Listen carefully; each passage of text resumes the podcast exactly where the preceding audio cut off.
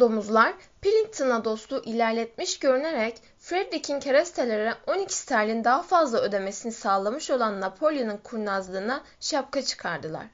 Ama Square'lara kalırsa Napolyon'un üstün zekasının asıl göstergesi hiç kimseye Frederick'e bile güvenmemesiydi.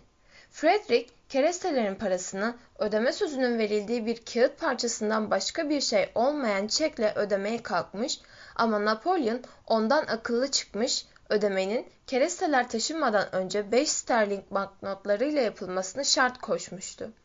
Sonunda Frederick parayı gerçekten de istendiği gibi ödemişti. Ödediği para tam da yer değirmeni için gerekli makinelerin satın alınmasına yetecek kadardı. Bu arada keresteler büyük bir hızla taşınıyordu. Hepsi taşındıktan sonra hayvanları Frederick'in verdiği banknotları kendi gözleriyle görmeleri için büyük samanlıkta bir özel toplantı daha düzenlendi. İki nişanını da takmış olan Napolyon kaygısızca sırıtıyordu. Yükseltenin üzerindeki saman döşeği uzanmıştı. Çiftlik evinin mutfağından getirilen porselen çanağa özenle yerleştirilmiş olan paralar yanı başındaydı. Hayvanlar yavaş yavaş önünden geçerek paraları yakından incelediler. Boxer burnunu uzatıp koklamaya kalkınca incecik banknotlar hışırtıyla yerinden oynadı.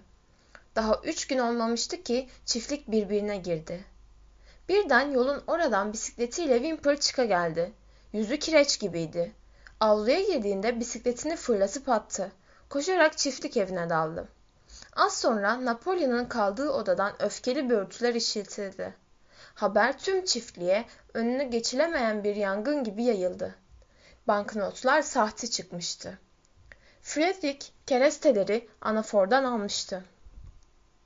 Napolyon hayvanları hemen bir araya topladı, ürkütücü bir sesle Frederick'i idam cezasına çarptırdığını, yakalar yakalamaz diri diri kazana attıracağını bildirdi. Öte yandan hayvanları da Frederick'in bu alçaklığından sonra en korkulu durumlara karşı hazırlıklı olmaları konusunda uyardı. Frederick ve adamları ne zamandır beklenen saldırılarını her an başlatabilirlerdi. Çiftliğe girilebilecek her yere nöbetçiler yerleştirildi. Foxwood çiftliğinde dört güvercin salınarak Pillington'la yeniden dostça ilişkiler kurulmasını sağlayabileceği umulan bir uzlaşma mektubu gönderildi. Ertesi sabah saldırı başladı. Hayvanlar tam kahvaltıya oturmuşlardı ki tozu dumana katarak gelen gözcüler Frederick ve adamlarının ana kapıdan girdiklerini bildirdiler. Hayvanlar saldırganları karşılamak üzere cesaretle ileri atıldılar. Ama bu kez zafere ulaşmak Ağıl Savaşı'nda olduğu kadar kolay görünmüyordu. Gelenler 15 kişiydi. Altısının tüfeği vardı. Yaklaşık 50 metre kala ateş açtılar. Korkunç patlamalara ve canlarını yakan saçmalara karşı duramayan hayvanlar çok geçmeden geri çekilmek zorunda kaldılar. Napolyon ile Boxer onları toparlamak için çok uğraştılarsa da para etmedi. Yaralananlar vardı. Çiftlik binalarına sığınmışlar, yarıklardan ve budak deliklerinden dışarıyı gözetliyorlardı. Büyük otlak ve yel değirmeni düşman eline geçmişti. Napolyon bile dona kalmış, ne yapacağını şaşırmıştı. Suspus, suspus olmuş, dik kuyruğunu hızlı hızlı oynatarak odanın içinde volta atıyordu. Gözler Foxwood çiftliği yolundaydı. Pillington ve adamları yardıma gelseler paçayı kurtarabilirlerdi. Ama tam o sırada bir gün önce saldırdıkları güvercinler geri döndüler. Birinin gagasında Pillington'dan bir pusula vardı. Pusulada kurşun kalemle yazılmış şu sözcükler okunuyordu. Kendi düşen ağlamaz. Bu arada Frederick ve adamları yer değirmeninin çevresinde toplanmışlardı. Hayvanlar da umarsız homurtular çıkararak onları izliyorlardı. İki adamın bir kol demiriyle bir balyoz çıkardığını gördüler. Yer değirmenini yıkmaya hazırlanıyorlardı. Hiçbir şey yapamazlar diye bağırdı Napolyon. Onların balyozları bizim kalın duvarlarımıza işlemez. Bir hafta uğraşsalar gene yıkamazlar. Korkmayın yoldaşlar. Ama Benjamin gözünü dört açmış, adamların ne yaptıklarını anlamaya çalışıyordu. Bir de baktı o iki adam kol demiri ve balyozla yer değirmeninin temeline yakın bir yerinde çukur açıyorlar. Uzun burnunu ağır ağır iki yana sallayarak bilgitçe gülümsedi. Anlamıştım dedi. Görmüyor musunuz? Birazdan o çukura barut dolduracaklar. Hayvanlar korku içinde bekleşiyorlardı. Artık sığındıkları binalardan çıkmaya kalkışmaları olanaksızdı. Birkaç dakika sonra adamların değirmenin oradan kaçıştıklarını gördüler.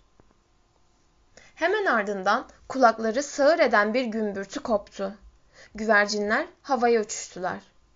Napolyon dışında bütün hayvanlar kendilerini yüzü koyun yere atıp yüzlerini kapattılar. Ayağa kalktıklarında yel değirmeninin bulunduğu yer kapkara dumanlara boğulmuştu. Duman rüzgarla dağıldığında bir de baktılar yel değirmeninin yerinde yeller esiyor. Onca emeğin havaya uçtuğunu gören hayvanlara ansızın bir cesaret geldi. Bu alçaklık karşısında kapıldıkları öfke az önceki korku ve umutsuzluklarını unutturmuştu. Korkunç bir intikam çığlığı yükseldi. Kimsenin emrini beklemeden hep birlikte düşmanın üstüne atıldılar. Artık dolu gibi yağan saçmaları aldırmıyorlardı. Yabanıl, amansız bir savaş oldu. Adamlar önce art arda ateş ettiler, hayvanlar iyice yakına geldiklerinde de sopaları ve kalın botlarıyla vurmaya başladılar. Bir inek, üç koyun ve iki kaz oracıkta can verdi. Hemen herkes yaralıydı. Geride harekatı yönetmekte olan Napolyon'un bile oraya kadar gelen bir saçmayla kuyruğunun ucu sıyrılmıştı. Ama adamlar da az kayıp vermemişti. Boxer attığı çiftelerle üçünün kafası patlatmış, inek boynuzlarıyla birinin karnını deşmiş, Jesse ile Bluebell de dişleriyle birinin pantolonunu paramparça etmişlerdi.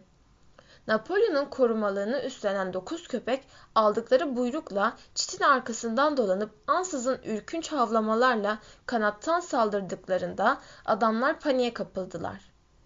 Kuşatılmak üzere olduklarını fark etmişlerdi. Fredrik adamlarına işler iyice sarpa sarmadan çiftliği terk etmelerini buyurdu. Az sonra korkak düşmanlar arkalarına bakmadan kaçıyorlardı. Hayvanlar tarlanın aşağılarına kadar kovaladılar adamları. Dikenli çitten geçmeye çalışırken son birkaç tekme daha atmaktan geri kalmadılar. Savaşı kazanmışlardı. Ama bitkindiler. Tepeden tırnağa kanlara bulanmışlardı. Topallaya topallaya gerisi geri çiftliğin yolunu tuttular. Bazıları çimenler üzerinde yatan ölü arkadaşlarını görünce gözyaşlarına boğuldular. Bir zamanlar yel değirmeninin bulunduğu yerde saygılı bir suskunluk içinde kısa bir süre öyle durdular. Evet, onca emek boşa gitmiş, değirmenin izi bile kalmamıştı. Yapının temeli bile yer yer parçalanmıştı. Diyelim yeniden yapmaya kalktılar, yerle bir olan duvarların taşlarını bile toplayamazlardı. Patlamanın şiddetiyle yüzlerce metre uzağa saçılmışlardı. Çiftliğe yaklaşırken savaş sırasında her nedense ortalıktan kaybolan Squaler'ın hoplaya zıplaya kendilerine doğru geldiğini gördüler. Memnun memnun kuyruğunu sallıyor, yüzü sevinçle parlıyordu. O sırada çiftlik binalarının oradan bir tüfek patladı. Boxer, bu da ne diye sordu. Zaferimizi kutluyorlar diye bağırdı Squaler. Ne zaferi dedi Boxer. Dizleri kanıyordu. Nallarından birini kaybetmiş, toynağı yarılmıştı. Arka bacağına bir sürü saçma saplanmıştı. Ne demek ne zaferi yoldaş? Düşmanı topraklarımızdan, hayvan çiftliğinin kutsal topraklarından söküp atmadık mı? Ama yer değirmenini havaya uçurdular. O yer değirmenini yapmak için tam iki yıl uğraşmıştık. Boş ver, aldırma, yenisini yaparız. Canımız isterse altı yer değirmeni daha yaparız. Ne kadar büyük bir iş başardığımızın farkında değilsin galiba yoldaş. Şu üzerinde durduğumuz topraklar az önce düşman elindeydi. Oysa şimdi her bir karışını geri aldık. Napolyon yoldaşın önderliği sayesinde tabii. Demek zaten bizim olanı geri almışız, dedi Boxer. Scaler, bu zafer bizim, dedi. Topallaya topallaya avluya girdiler. Bacağındaki saçmalar Boxer'ın canını yakıyordu. Yer değirmeninin yeniden yapılmasının ne kadar zorlu bir uğraşı gerektireceğini, bu işte kendisine ne kadar büyük görevler düşeceğini düşünürken belki de ilk kez yaşlandığını hissetti. O koca kaslarının artık eskisi kadar güçlü olmadığını geçirdi kafasından. Öteki hayvanlar ise yeşil bayrağın dalgalandığını gördükten, tüfeğin tam yedi kez atıldığını duyduktan ve savaşta gösterdikleri yararlılıklardan dolayı kendilerini kutlayan Napolyon'un konuşmasını dinledikten sonra gerçekten de büyük bir zafer kazanmış oldukları duygusuna kapıldılar. Savaşta can verenler ağırbaşlı bir törenle gömüldüler. Cenaze arabası olarak kullanılan yük arabasını Boxer ile Clover çektiler. Cenaze alayının en önünde Napolyon yürüdü. Kutlamalar tam iki gün sürdü. Şarkılar söylendi, söylevler çekildi, silahlar atıldı. Ödül olarak her hayvana bir elma, her kuşa 50 gram darı, her köpeğe de 3 peksimet verildi. Ardından bu son savaşın bundan böyle Yel Değirmeni Savaşı adıyla anılacağı Napolyon'un Yeşil Bayrak adı altında yeni bir nişan verilmesini kararlaştırdığı ve ilk nişanı da kendisine taktığı açıklandı. Zafer sarhoşluğu sahte banknotları unutturmuştu. Birkaç gün sonra domuzlar çiftlik evinin kilerinde bir kasa viski buldular. Anlaşılan eve ilk girdiklerinde gözlerine çarpmamıştı. O gece, o gece çiftlik evinden şarkılar yükseldi.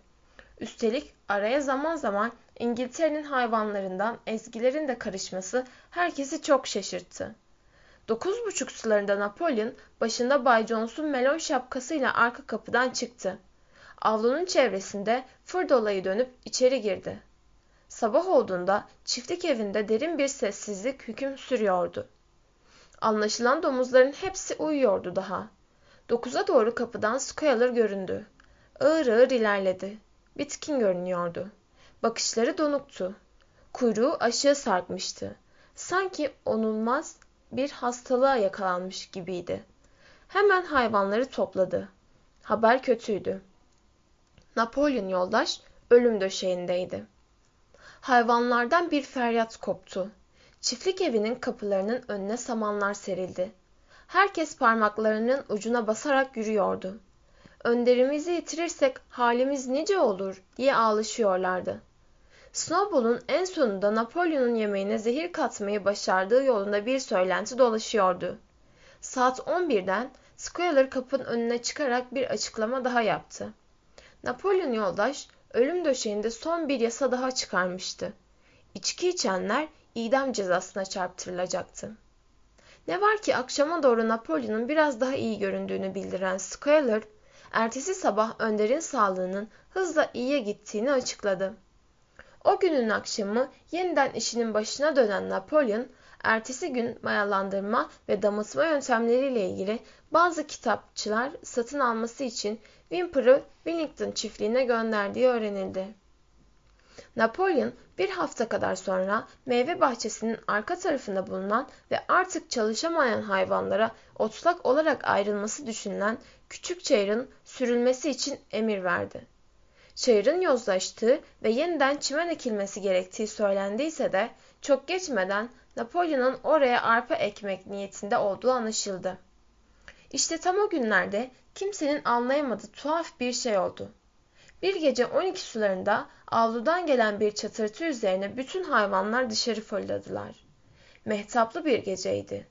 Büyük samanlığın yedi emirin yazılı olduğu uzun duvarının dibinde iki parçaya ayrılmış bir merdiven duruyordu. Scaler da merdivenin yanı başında yerde yatmaktaydı. Sersemlemiş görünüyordu. Az ileride bir fener, bir boya fırçası ve devrilmiş bir beyaz boya kutusu göze çarpıyordu.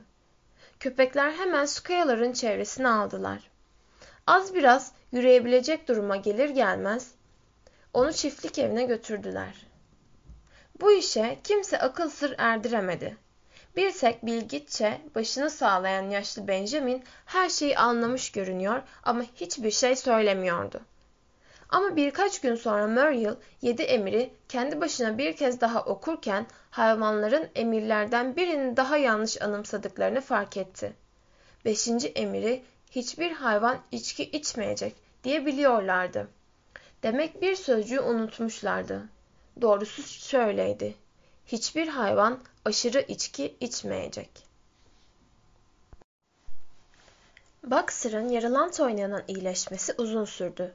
Zafer kutlamaları sona erdikten bir gün sonra yer değirmenini yeniden yapmaya başlamışlardı. Boxer bir gün bile izin almaya yanaşmamıştı.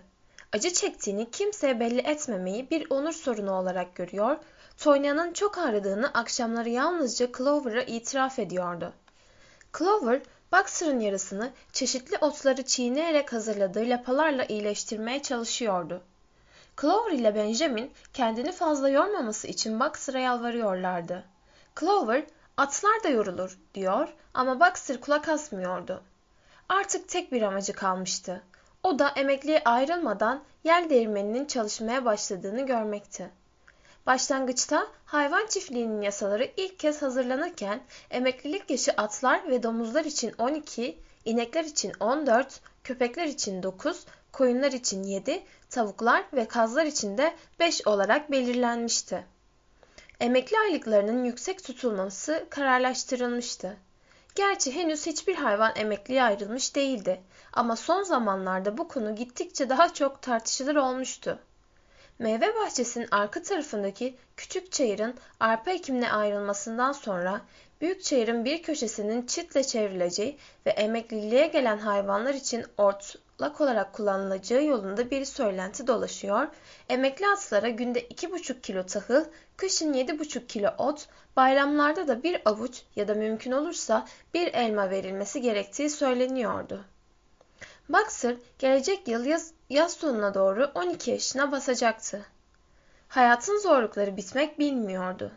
Bu kış da bir önceki kadar soğuktu. Yiyecekler daha da azalmıştı. Domuzlar ve köpeklerin tayınları dışında bütün tayınlarda bir kez kısıntıya gidilmişti. Squalor'ın açıklamasına bakılırsa tayınlarda çok katı bir eşitlik hayvancılığın ilkelerine aykırıydı. Yiyecek sıkıntısı varmış gibi görünebilirdi ama gerçek hiç de öyle değildi. Squalor gönüllere su serpmeyi çok iyi beceriyordu. Kuşkusuz şimdilik tayınları yeniden ayarlamak zorunda kalmışlardı.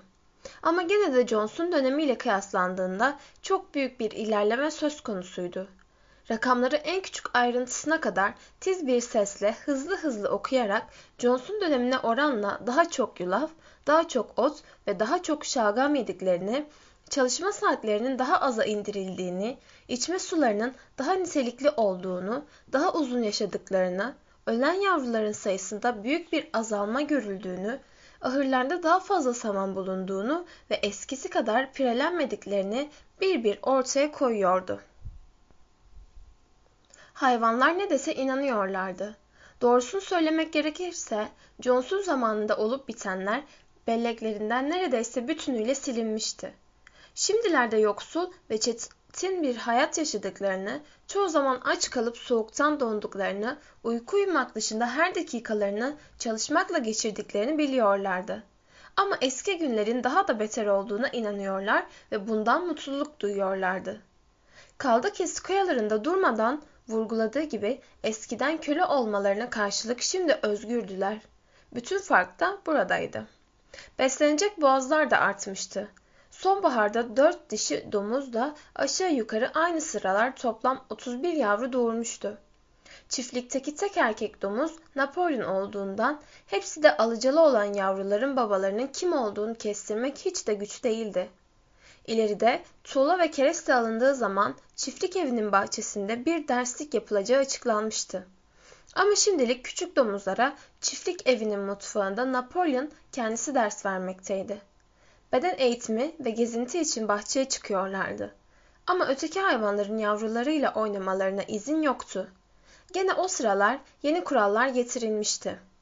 Bir domuz ile başka bir hayvan yolda karşılaştıklarında öteki hayvan kenara çekilerek domuza yol verecek ve bütün domuzlar pazar günleri kuyruklarına yeşil kurdele takma ayrıcalığına sahip olacaklardı.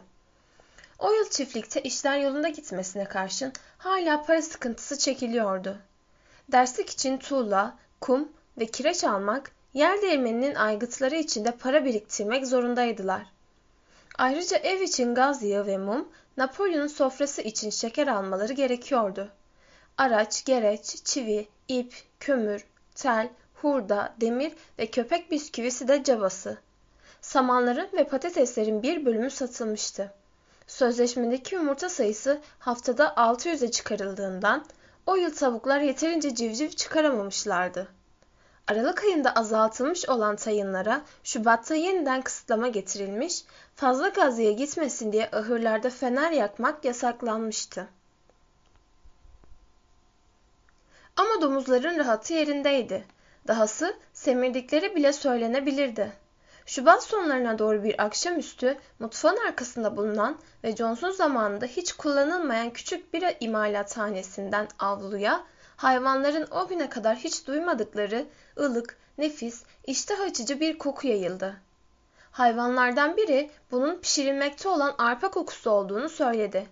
Kokuyu içlerine çeken aç hayvanlar yoksa akşam yemeğine sıcak bir lapa mı hazırlanıyor diye düşünmekten kendilerini alamadılar. Ama sıcak lapa şöyle dursun, ertesi pazar artık tüm arpanın domuzlara ayrılacağı açıklandı. Meyve bahçesinin arkasındaki tarlaya çoktan arpa ekilmişti. Çok geçmeden bir haber yayıldı. Artık her domuza günde yarım litre, Napolyon'a ise 4 litre bira veriliyor. Napolyon birasını Chrome Derby takımının çorba kasesinden içiyordu. Gerçi güçlüklerin ardı arkası kesilmiyordu. Ama hayvanlar artık eskisine göre çok daha onurlu yaşadıklarını düşünerek bir ölçüde avutuyorlardı kendilerini. Daha çok şarkı söyleniyor, daha çok konuşma yapılıyor, daha çok tören düzenleniyordu. Napolyon haftada bir hayvan çiftliğinde verilen savaşımları ve kazanılan zaferleri kutlamak amacıyla kendiliğinden gösteriler düzenlenmesini buyurmuştu. Hayvanlar belirlenen saatte işi bırakıyor, çiftliğin çevresinde askeri düzende yürüyüşe geçiyorlardı. En önde domuzlar, onların arkasında atlar, sonra inekler, koyunlar, en arkada da kümes hayvanları. Köpekler geçit alayının iki yanında yürüyor, Napolyon'un siyah horozu da başı çekiyordu. Üzerinde hayvan ayağı ve boynuz resmi bulunan Yaşasın Napolyon yoldaş yazılı bir bayrağı her zaman Boxer ile Clover taşıyorlardı. Daha sonra Napolyon'un onuruna yazılmış şiirler okunuyor, ardından Schuyler gıda maddeleri üretimindeki son artışları ayrıntılarıyla açıklayan bir konuşma yapıyor, zaman zaman da bir el silah atılıyordu. Kendiliğinden gösterilerin en büyük tutkunu koyunlardı. İçlerinden biri vakit kaybettiklerinden ve soğukta dikilip durmaktan başka bir şey yapmadıklarından yakınmaya kalksa, koyunlar o saatte bir ağızdan dört ayak iyi, iki ayak kötü diye avazları çıktığı kadar meğleyerek onu susturuyorlardı. Ama hayvanlar bu törenlerden genellikle hoşnuttular. Ne de olsa kendi kendilerinin efendisi olduklarının ve yalnızca kendi yararları için çalıştıklarının anımsatılması yüreklerini ferahlatıyordu. Böylece şarkılarla tören alaylarıyla, Squaler'ın sıraladığı rakamlarla, tüfeğin gümbürtüsüyle, horozun ötüşleriyle ve bayrağın dalgalanışıyla ara sıra da olsa açlıklarını unutabiliyorlardı. Nisan ayında hayvan çiftliğinde cumhuriyet ilan edildi. Bir başkan seçmek gerekiyordu. Tek aday olan Napolyon oy birliğiyle başkan seçildi. Aynı gün Snowball'un Johnson suç ortağı olduğuna ilişkin ayrıntılı bilgileri gün ışığına çıkaran yeni belgeler bulunduğu açıklandı. Belgeler, Snowball'un hayvanların ilk başta sandıkları gibi yalnızca ağıl savaşının kaybedilmesi için savaş hilesine başvurmakla kalmadığını, açıktan açığa Johnson safında dövüştüğünü ortaya koyuyordu. Üstelik insan kuvvetlerinin komutanlığını üstlenmiş ve yaşasın insanlık diye haykırarak saldırıya geçmişti. Snowball'un sırtındaki yaraları kendi gözleriyle gördüklerini, anımsayanlar ise yepyeni bir şey öğreniyorlardı. Meğer bu yaraları Napolyon dişleriyle açmıştı. Kaç yıldır ortalıkta görünmeyen kuzgun Moses yaz ortalarına doğru birden çiftliğe geri döndü. Neredeyse hiç değişmemişti. Elini sıcak sudan soğuk suya sokmuyor, eskisi gibi bal badem diyarı masalları okuyup duruyordu. Bir kütüğün üstüne tünüyor, kara kanatlarını çırpıyor, dinleyecek birini bulmaya görsün saatlerce konuşuyordu. Koca gagasıyla gökyüzünü göstererek çok ciddi bir sesle işte orada yoldaşlar diyordu. Bal badem diyarı. Biz zavallı hayvanların tüm sıkıntılarımızdan kurtulup sonsuza dek huzur içinde yaşayacağımız ülke orada. Şu gördüğünüz kara bulut var ya, onun hemen arkasında. Dahası bir gün çok yükseklerden uçarken oradan geçtiğini, alabildiğine uzanıp giden yonca tarlalarını, keten tohumu küspesi ve kesme şekerlerle kaplı çalılıkları gözleriyle gördüğünü ileri sürüyordu. Hayvanların birçoğu ona inanıyordu. Bu dünyada açlık ve yokluk içinde yaşıyorlardı. Başka bir yerlerde daha iyi bir dünyanın bulunmasından daha doğru ne anlaşılabilirdi ki? Asıl anlaşılması zor olan domuzların Moses'a karşı tutumuydu. Hem onu aşağılayarak bal badem diyarı ile ilgili masalların palavra olduğunu söylüyorlar, hem de hiç çalışmadan çiftlikte kalmasına ses çıkarmıyorlar, dahası her gün bira içmesine izin veriyorlardı. Boxer ayağı iyileştikten sonra her zamankinden daha sıkı çalışmaya başlamıştı. Aslında o yıl tüm hayvanlar köle gibi çalışıyorlardı. Çiftliğin gündelik işleri ve yer değirmeninin yeniden yapımının yanı sıra bir de Mart ayında genç domuzlar için bir derslik yapılmaya başlanmıştı. Az yiyip çok, çok çalışmak için dayanılır gibi değildi ama Boxer asla pes etmiyordu. Konuşmalarından da çalışmasından da artık eskisi kadar güçlü olmadığını anlamak mümkün değildi. Yalnızca görünüşü biraz değişmişti. Tüyleri eskisi kadar parlak değildi. Kocaman sarısı içine göçmüştü. Herkes ilkbahar otları bir yaşarsın. Boxer kendini toparlar diyordu. İlkbahar otları yeşerdi ama Boxer toparlanamadı. Bazen taş ocağına çıkılan yamaçta iri bir kaya parçasının altında kasları titrediğinde onu ayakta tutan tek şey kararlılığı oluyordu. Böyle durumlarda sesini tümden yitirmesine karşın dudaklarından daha çok çalışacağım sözcükleri okunabiliyordu. Clover ile Benjamin sağlığını korumak için onu sürekli uyarıyorlar ama Boxer kulak asmıyordu. 12. yaş günü yaklaşıyordu. Sağlığı umrunda değildi. Tek isteği kendisi emekliye ayrılmadan yer değirmeni için yeterince taş toplamasıydı. Bir yaz akşamı birden çiftlikte bir söylenti yayıldı. Boxer'a bir şey olmuştu. Yel değirmeni için tek başına bir araba taş taşımaya kalkışmıştı. Söylenti hiç kuşkusuz doğruydu. Az sonra iki güvercin yarışırcasına haberi yetiştirdi. Boxer yere yıkılmış, kalkamıyor. Çiftlikteki hayvanların neredeyse yarısı yel değirmeninin bulunduğu küçük tepeye koştu. Boxer orada arabanın okları arasında boynunu uzatmış yatıyor, başını bile kaldıramıyordu. Gözleri cam gibi olmuş, gövdesi tepeden tırnağa yere batmıştı. Ağzından ince bir kan sızıyordu. Clover yanı başına diz çöktü. Boxer diye bağırdı. Ne oldu sana? Boxer duyulur duyulmaz bir sesle ciğerlerim dayanmadı dedi. Dert değil. Yel değirmenini bensiz de bitirebilirsiniz. Epeyce taş toplandı. Hem bir ayım kalmıştı. Doğrusu emekliliğimi dört gözle bekliyordum. Benjamin de yaşlandı artık. Belki de onu da emekliye ayırırlar da bana arkadaşlık eder. Clover, hemen yardım istemeliyiz dedi. Koşun, Squalor'a haber verin. Hayvanlar olup biteni Squalor'a anlatmak üzere hep birlikte çiftlik evine koştular. Yalnızca Clover'la Benjamin kalkmıştı. Benjamin Boxer'ın yanına uzanmış, uzun kuyruğuyla sinekleri kovuyordu. 15 dakika kadar sonra Squalor belirdi. Üzgün ve kaygılı görünüyordu. Napolyon yoldaşın çiftliğin en sadık işçilerinden birinin başına geleni çok büyük bir üzüntüyle öğrendiğini, Boxer'ın tedavi için Wellington'daki hastaneye gönderilmesini sağlamaya çalıştığını söyledi. Hayvanlar biraz tedirgin oldular. O güne kadar Molly ve Snowball dışında hiçbir hayvan çiftlikten ayrılmamıştı. Hasta yoldaşlarının insanların eline bırakılacak olmasından hiç hoşlanmamışlardı. Ama Squealer onları kolayca yatıştırmakta gecikmedi. Wellington'daki baytar Boxer'ı çok daha iyi tedavi edebilirdi. Yarım saat kadar sonra Boxer biraz toparlanıp güçlükle ayağa kalktı. Topallayarak ahırına gidip Clover'la Benjamin'in hazırladıkları saman döşeğe uzandı.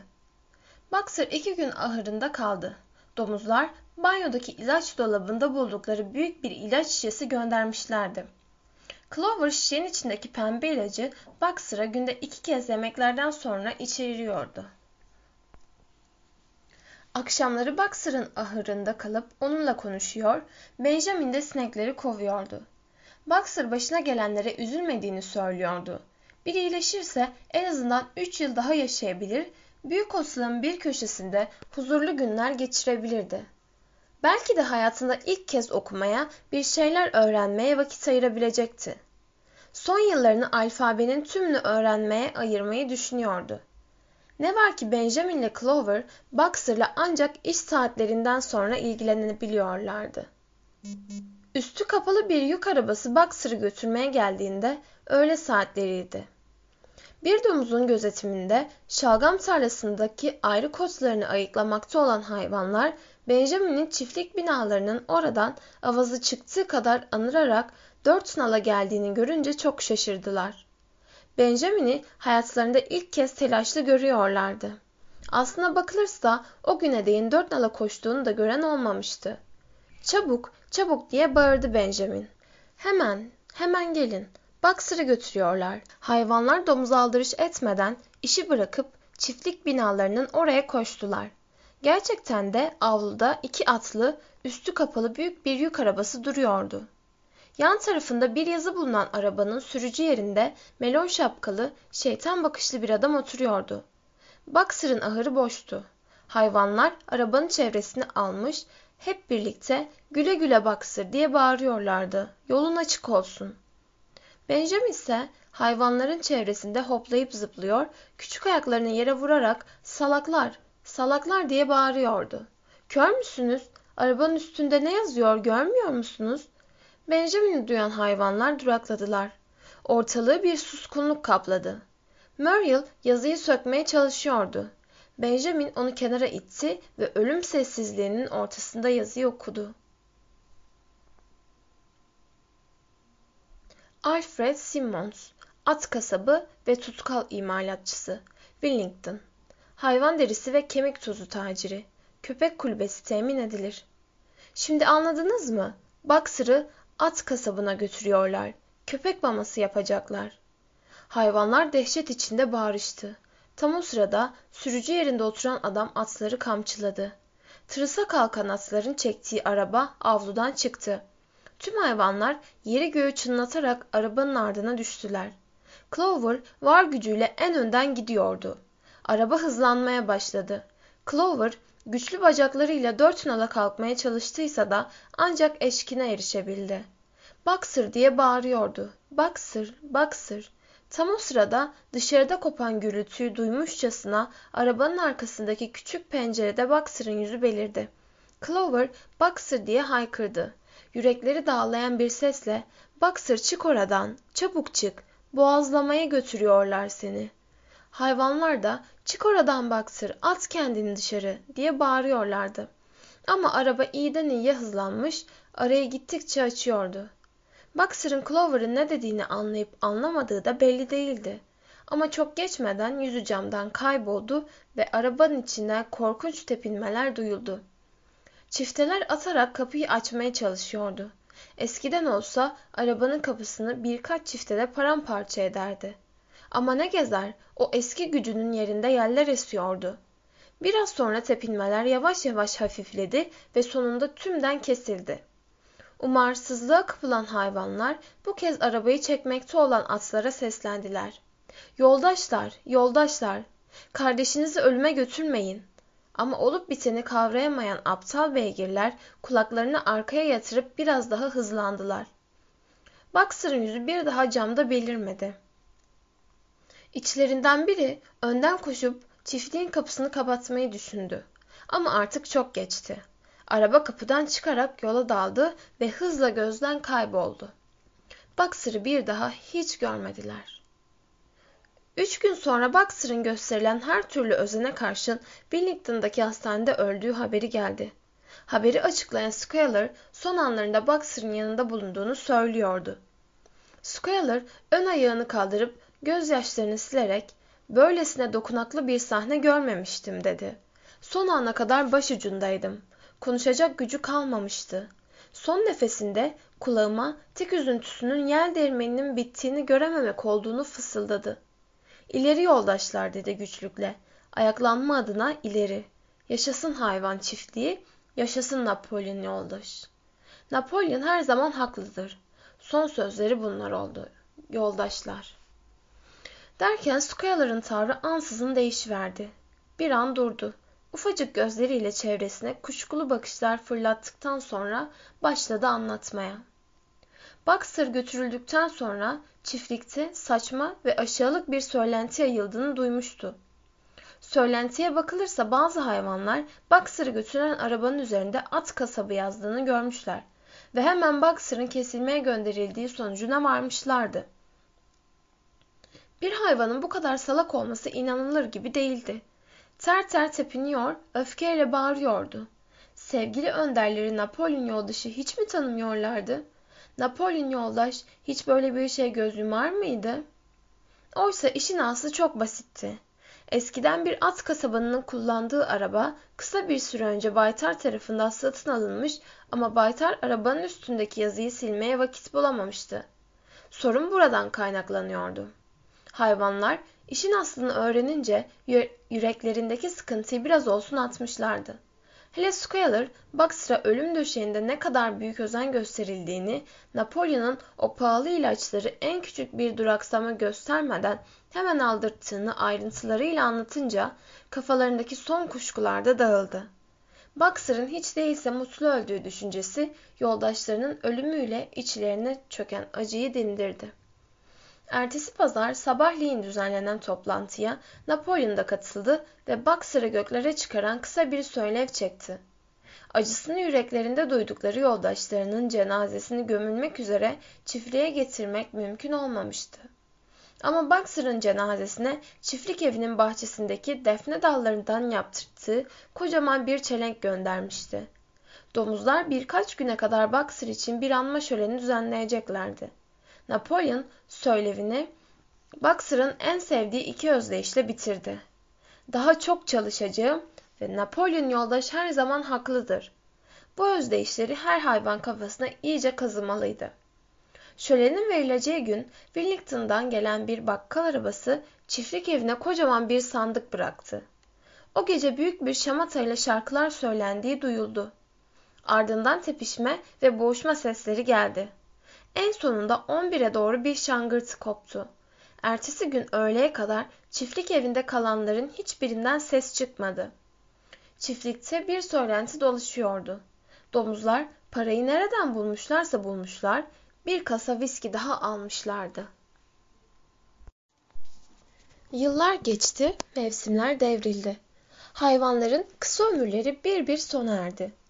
Artık ayaklanmadan önceki günleri Clover, Benjamin, Kuzgun Moses ve birkaç domuzdan başka anımsayan kalmamıştı.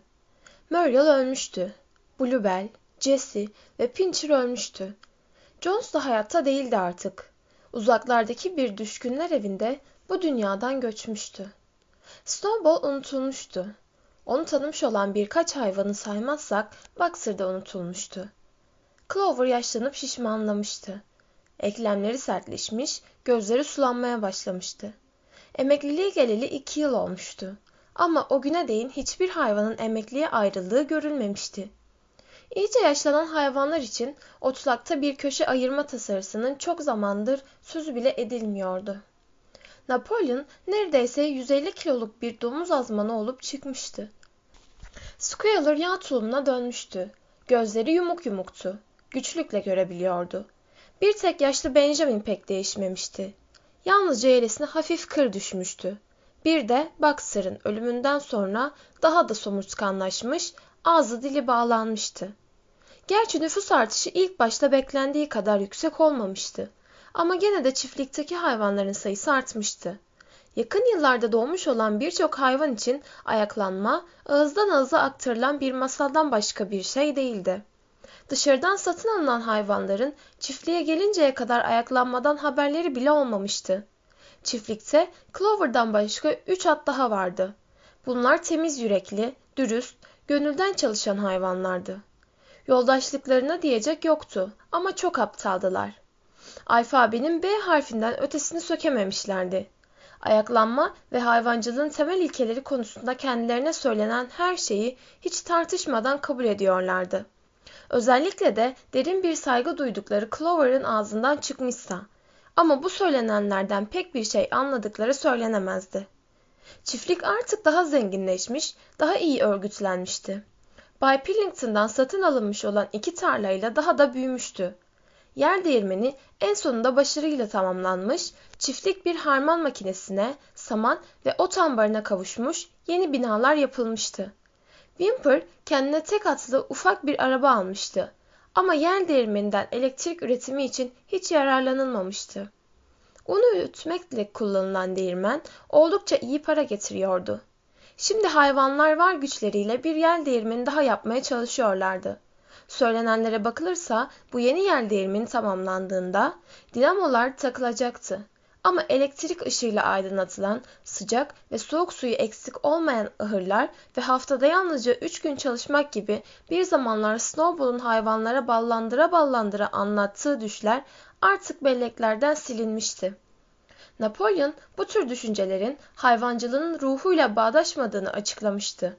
Önder'e göre gerçek mutluluk çok çalışmak ve yalın yaşamakta yatıyordu. Bu arada çiftlik zenginleşmiş ama her nedense hayvanların hayat koşulları değişmemişti. Tabii domuzlarla köpekleri saymazsak. Bu belki biraz da kalabalık olmalarından kaynaklanıyordu.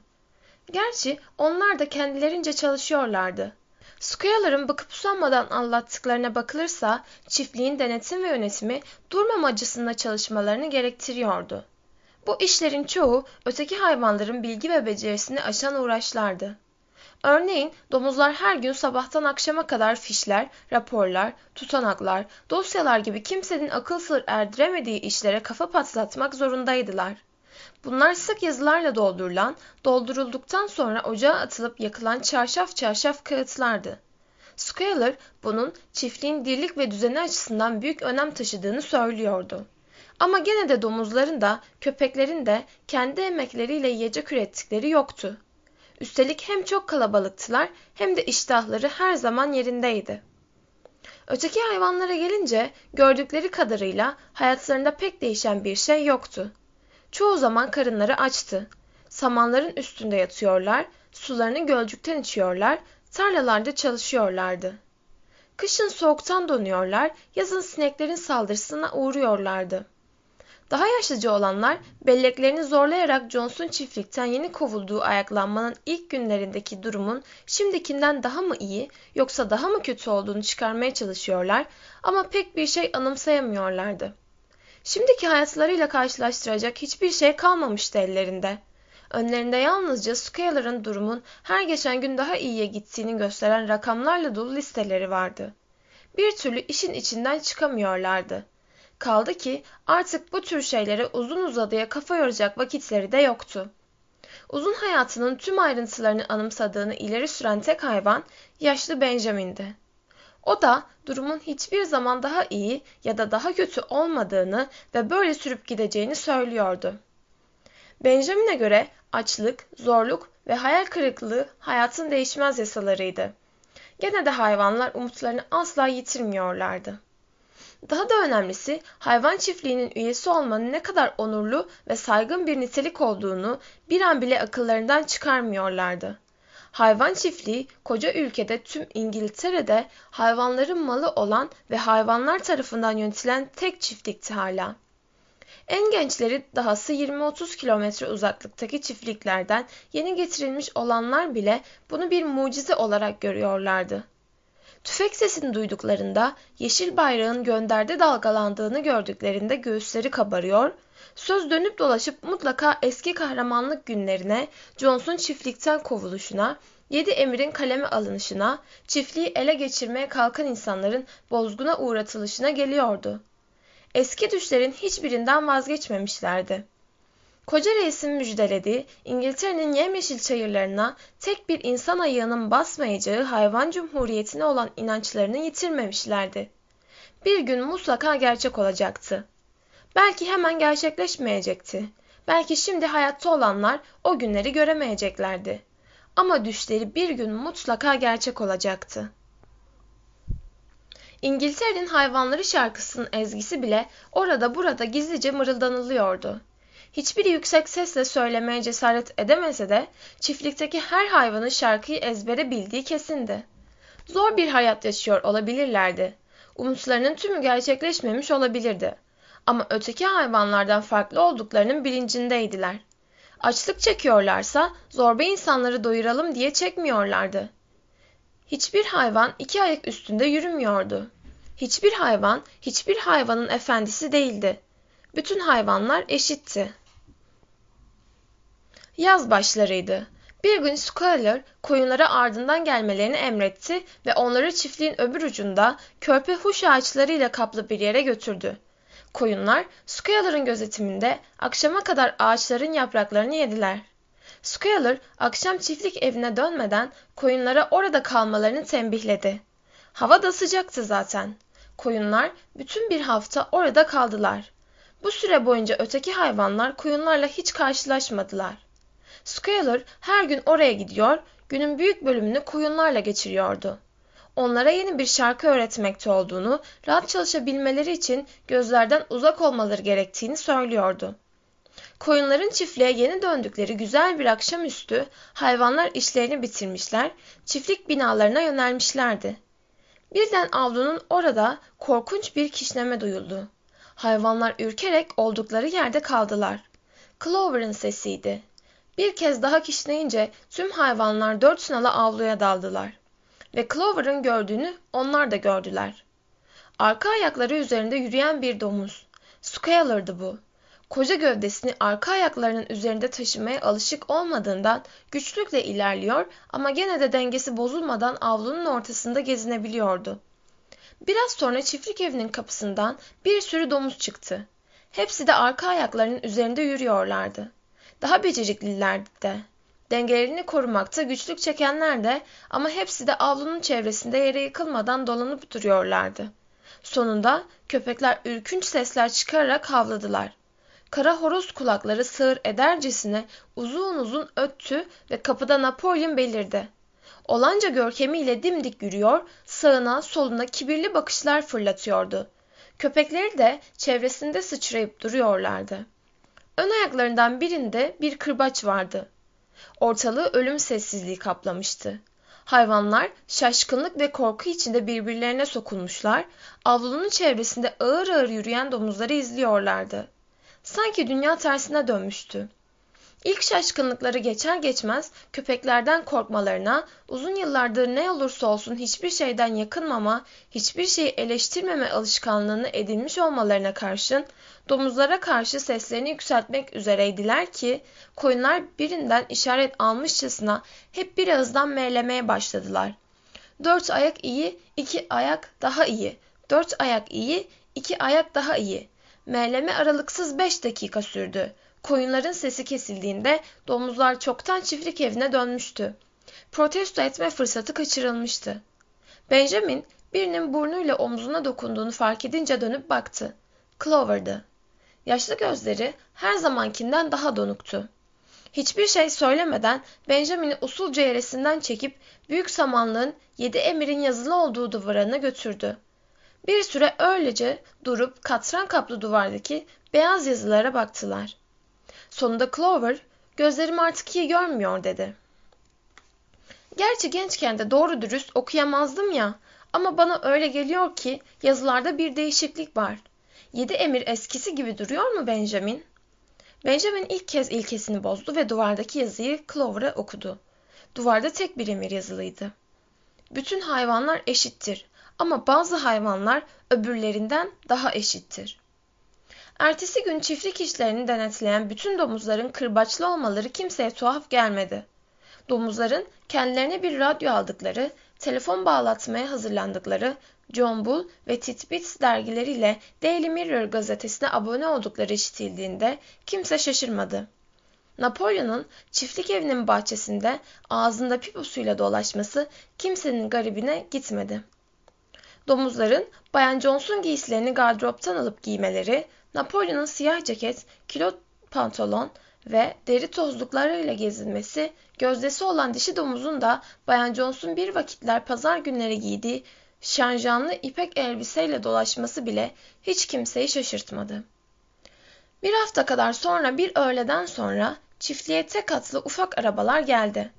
Komşu çiftliklerden bir temsilciler kurulu bir denetleme gezisi için çağrılmıştı. Tüm çiftliği gezen çiftçiler gördükleri her şeye özellikle de yel değirmenine hayran kaldıklarını belirttiler.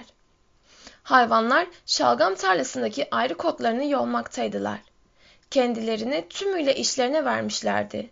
Daha çok domuzlardan mı yoksa çiftliğe konu gelen insanlardan mı korkmak gerektiğini kestiremediklerinden başlarını bile kaldırmıyorlardı. Akşamleyin çiftlik evinden kahkahalar ve şarkılar yükseldi. Birbirine karışan sesleri duyan hayvanlar birden kulak kesildiler. İlk kez eşit koşullarda bir araya gelen hayvanlarla insanlar orada ne yapıyorlardı acaba? Hep birlikte hiç ses çıkarmamaya çalışarak çiftlik evinin bahçesine yaklaştılar. Bahçe kapısının önüne geldiklerinde ürkerek duraksadılarsa da Clover'ın öne düşmesiyle içeri girip parmaklarının ucuna basarak eve yöneldiler. Boyları yetişen hayvanlar yemek odasının penceresinden içeri baktılar. Uzun masanın çevresinde altı çiftçi ile önde gelen altı domuz oturuyordu. Napolyon ise masanın başına geçmiş, onur koltuğuna kurulmuştu. Domuzlar sandalyelerinde hiç de rahatsız görünmüyorlardı. Hep birlikte kağıt oynarken oyunu kesmişler, şerefe kadeh kaldırıyorlardı. Büyük bir sürahi elden ele dolaşıyor, bardaklara bira dolduruluyordu. Hiçbiri pencereden içeri bakan hayvanların şaşkın yüzlerini fark etmemişti. Foxwood çiftliğinin sahibi Bay Pillington elinde bardağı ayağa kalktı. Birazdan herkesi şerefe kadeh kaldırmaya davet edeceğini ama daha önce birkaç söz etmeyi görev bildiğini söyledi. Uzun süren bir güvensizlik ve anlaşmazlık döneminin artık sona ermiş olması kendisi ve hiç kuşkusuz orada bulunan herkes için büyük bir mutluluk kaynağıydı. Komşu çiftliklerdeki insanlar hayvan çiftliğinin saygıdeğer sahiplerine bir süre düşmanlık duygularıyla değil de kuşkuyla yaklaşmışlardı. Ama kendisi ve orada bulunan insanların bir kuşkucu yaklaşımını bile paylaşmamışlardı. Talihsiz olaylar meydana gelmiş, yanlış düşüncelere kapılanlar olmuştu. Domuzların sahip olduğu ve yönettiği bir çiftliğin hiç de olağan olmadığı düşünülmüş, çevredeki çiftliklerde tedirginliğe yol açılabileceğinden korkulmuştu. Çiftçilerin birçoğu en küçük bir araştırma yapmaksızın böyle bir çiftlikte başına buyrukluk ve başı bozukluğun kol gezeceği sanısına kapılmıştı. Hayvan çiftliğinde olup bitenlerin yalnız kendi hayvanlarını değil, çiftliklerinde çalışan insanları da etkileyebileceğini düşünerek tedirgin olmuşlardı. Ama bu tür kuşkuların tümü dağılmıştı artık. Bugün kendisi ve dostları oraya gelerek hayvan çiftliğinin dört bir yanını gezip incelemişler ve yalnızca en yeni yöntemlerle değil, aynı zamanda bütün çiftçilere örnek olması gereken bir disiplin ve düzenle karşılaşmışlardı. Hayvan çiftliğindeki aşağı kesimlerden hayvanların ülkenin bütün hayvanlarından daha çok çalışıp daha az yediklerini söylemek herhalde yanlış olmayacaktı. Bugün gerçekten de kendisi ve dostları hayvan çiftliğinde öyle şeyler görmüşlerdi ki bunları kendi çiftliklerinde de hemen uygulamaya koymayı düşünüyorlardı. Sözlerini hayvan çiftliği ile komşuları arasında var olan ve sürmesi gereken dostluk duygularını bir kez daha vurgulayarak bitirmek istiyordu. Domuzlar ile insanlar arasında en küçük bir çıkar çatışması yoktu. Olması için bir neden de göremiyordu. Verdikleri uğraşlar da karşılaştıkları güçlükler de birdi. İşçi sorunu her yerde aynı değil miydi? Bay Pillington tam önceden hazırladığı anlaşılan zekice bir espri yapacaktı ki gülmesini tutamayınca konuşmasını kesmek zorunda kaldı. Tombul yanakları mosmor kesilinceye kadar kahkahalar attıktan sonra espriyi patlattı. Sizler aşağı kesimlerden hayvanlarınızla uğraşmak zorundaysanız dedi. Bizler de bizim aşağı sınıflardan insanlarımızla uğraşmak zorundayız. Espri masayı kahkahaya boğdu. Bay Pillington hayvan çiftliğinde tayınları düşük tuttukları, iş saatlerinin her yerdekinden daha fazla olmasını sağladıkları ve hayvanları aşırı bolluğa boğarak şımartmadıkları için domuzları bir kez daha kutlamaktan kendini alamadı. En sonunda herkesi ayağa kalkmaya ve bardaklarını doldurmaya davet eden Bay Pillington, haydi beyler dedi, şerefe, hayvan çiftliğinin şerefine. Herkes coşkuyla bağırıp çağırıyor, ayaklarını yere vuruyordu. Napolyon o kadar keyiflenmişti ki yerinden kalkıp masayı dolandı. Bay Pillington'la bardak tokuşturduktan sonra birasını bir dikişte bitirdi. Bağırıp çağırmalar denince hala ayakta olan Napolyon kendisinin de birkaç sözü olduğunu belirtti. Her zaman olduğu gibi kısa ve öz konuştu. Anlaşmazlık dönemi sona erdiği için kendisi de çok mutluydu. Uzun bir süre kendisinin ve arkadaşlarının tutum ve davranışlarının yıkıcı, dahası devrimci olduğu yolunda söylentiler dolaşmıştı. Bu dedikodular kötü yürekli düşmanlarından biri tarafından çıkartılmış olsa gerekti. Komşu çiftliklerdeki hayvanları ayaklanmaya kışkırttıkları söylenmişti. Yalanın böylesi görülmemişti doğrusu. Oysa insanların tek isteği her zaman komşularıyla barış içinde yaşamak, iş ilişkilerini düzgün bir biçimde sürdürmek olmuştu. Yönetmekten onur duyduğu bu çiftlik bir kooperatif girişimiydi. Elindeki tapu senetlerinin ortak sahipleri domuzlardı. Gerçi eski kuşkuların hala sürdüğüne asla inanmıyordu ama gene de son zamanlarda çiftliğin işleyişinde kendilerine duyulan güveni daha da artıracak bazı değişikliklere gidildiğini belirtmekte yarar görüyordu. Bugüne kadar çiftlikteki hayvanlar arasında birbirlerine yoldaş demek gibi salakça bir alışkanlık söz konusuydu. Bu alışkanlığa son verilecekti. Nereden kaynaklandığını bilmedikleri tuhaf bir alışkanlık da her pazar sabahı bahçedeki kütüğe takılı domuz kafasının önünden tören yürüyüşüyle geçmeleriydi. Bu alışkanlığa da son verilecekti. Domuz kafasını toprağa gömmüşlerdi bile. Konuklar gönderde dalgalanan yeşil bayrağa dikkatle bakmışlarsa da bayrağın üzerindeki beyaz toynak ve boynuzun kaldırılmış olduğunu fark etmiş olmalıydılar. Bundan böyle bayrak düz yeşil olacaktı. Yalnız Bay Pillington dostluk duygularıyla dolu, olağanüstü konuşmasında küçük bir düzeltme yapmak istiyordu. Bay Pillington konuşması boyunca çiftliklerinden hayvan çiftliği diye söz etmişti. Hiç kuşku yok ki hayvan çiftliği adının kaldırıldığını bilmesi olanaksızdı. Çünkü bunu şimdi orada ilk kez açıklıyordu. Çiftlik bundan böyle yeniden asıl adıyla Beylik Çiftlik adıyla bilinecekti. Napolyon sözlerini bitirirken beyler dedi. Bir kez daha şerefe kaldıracağız bardaklarımızı. Ama bu kez hayvan çiftliğinin şerefine değil. Bardaklarınızı ağzına kadar doldurun. Haydi bakalım beyler. Beylik çiftliğin şerefine. Gene yürekten bir coşkuyla şerefe diye haykırdılar. Biralar bir dikişte bitirildi.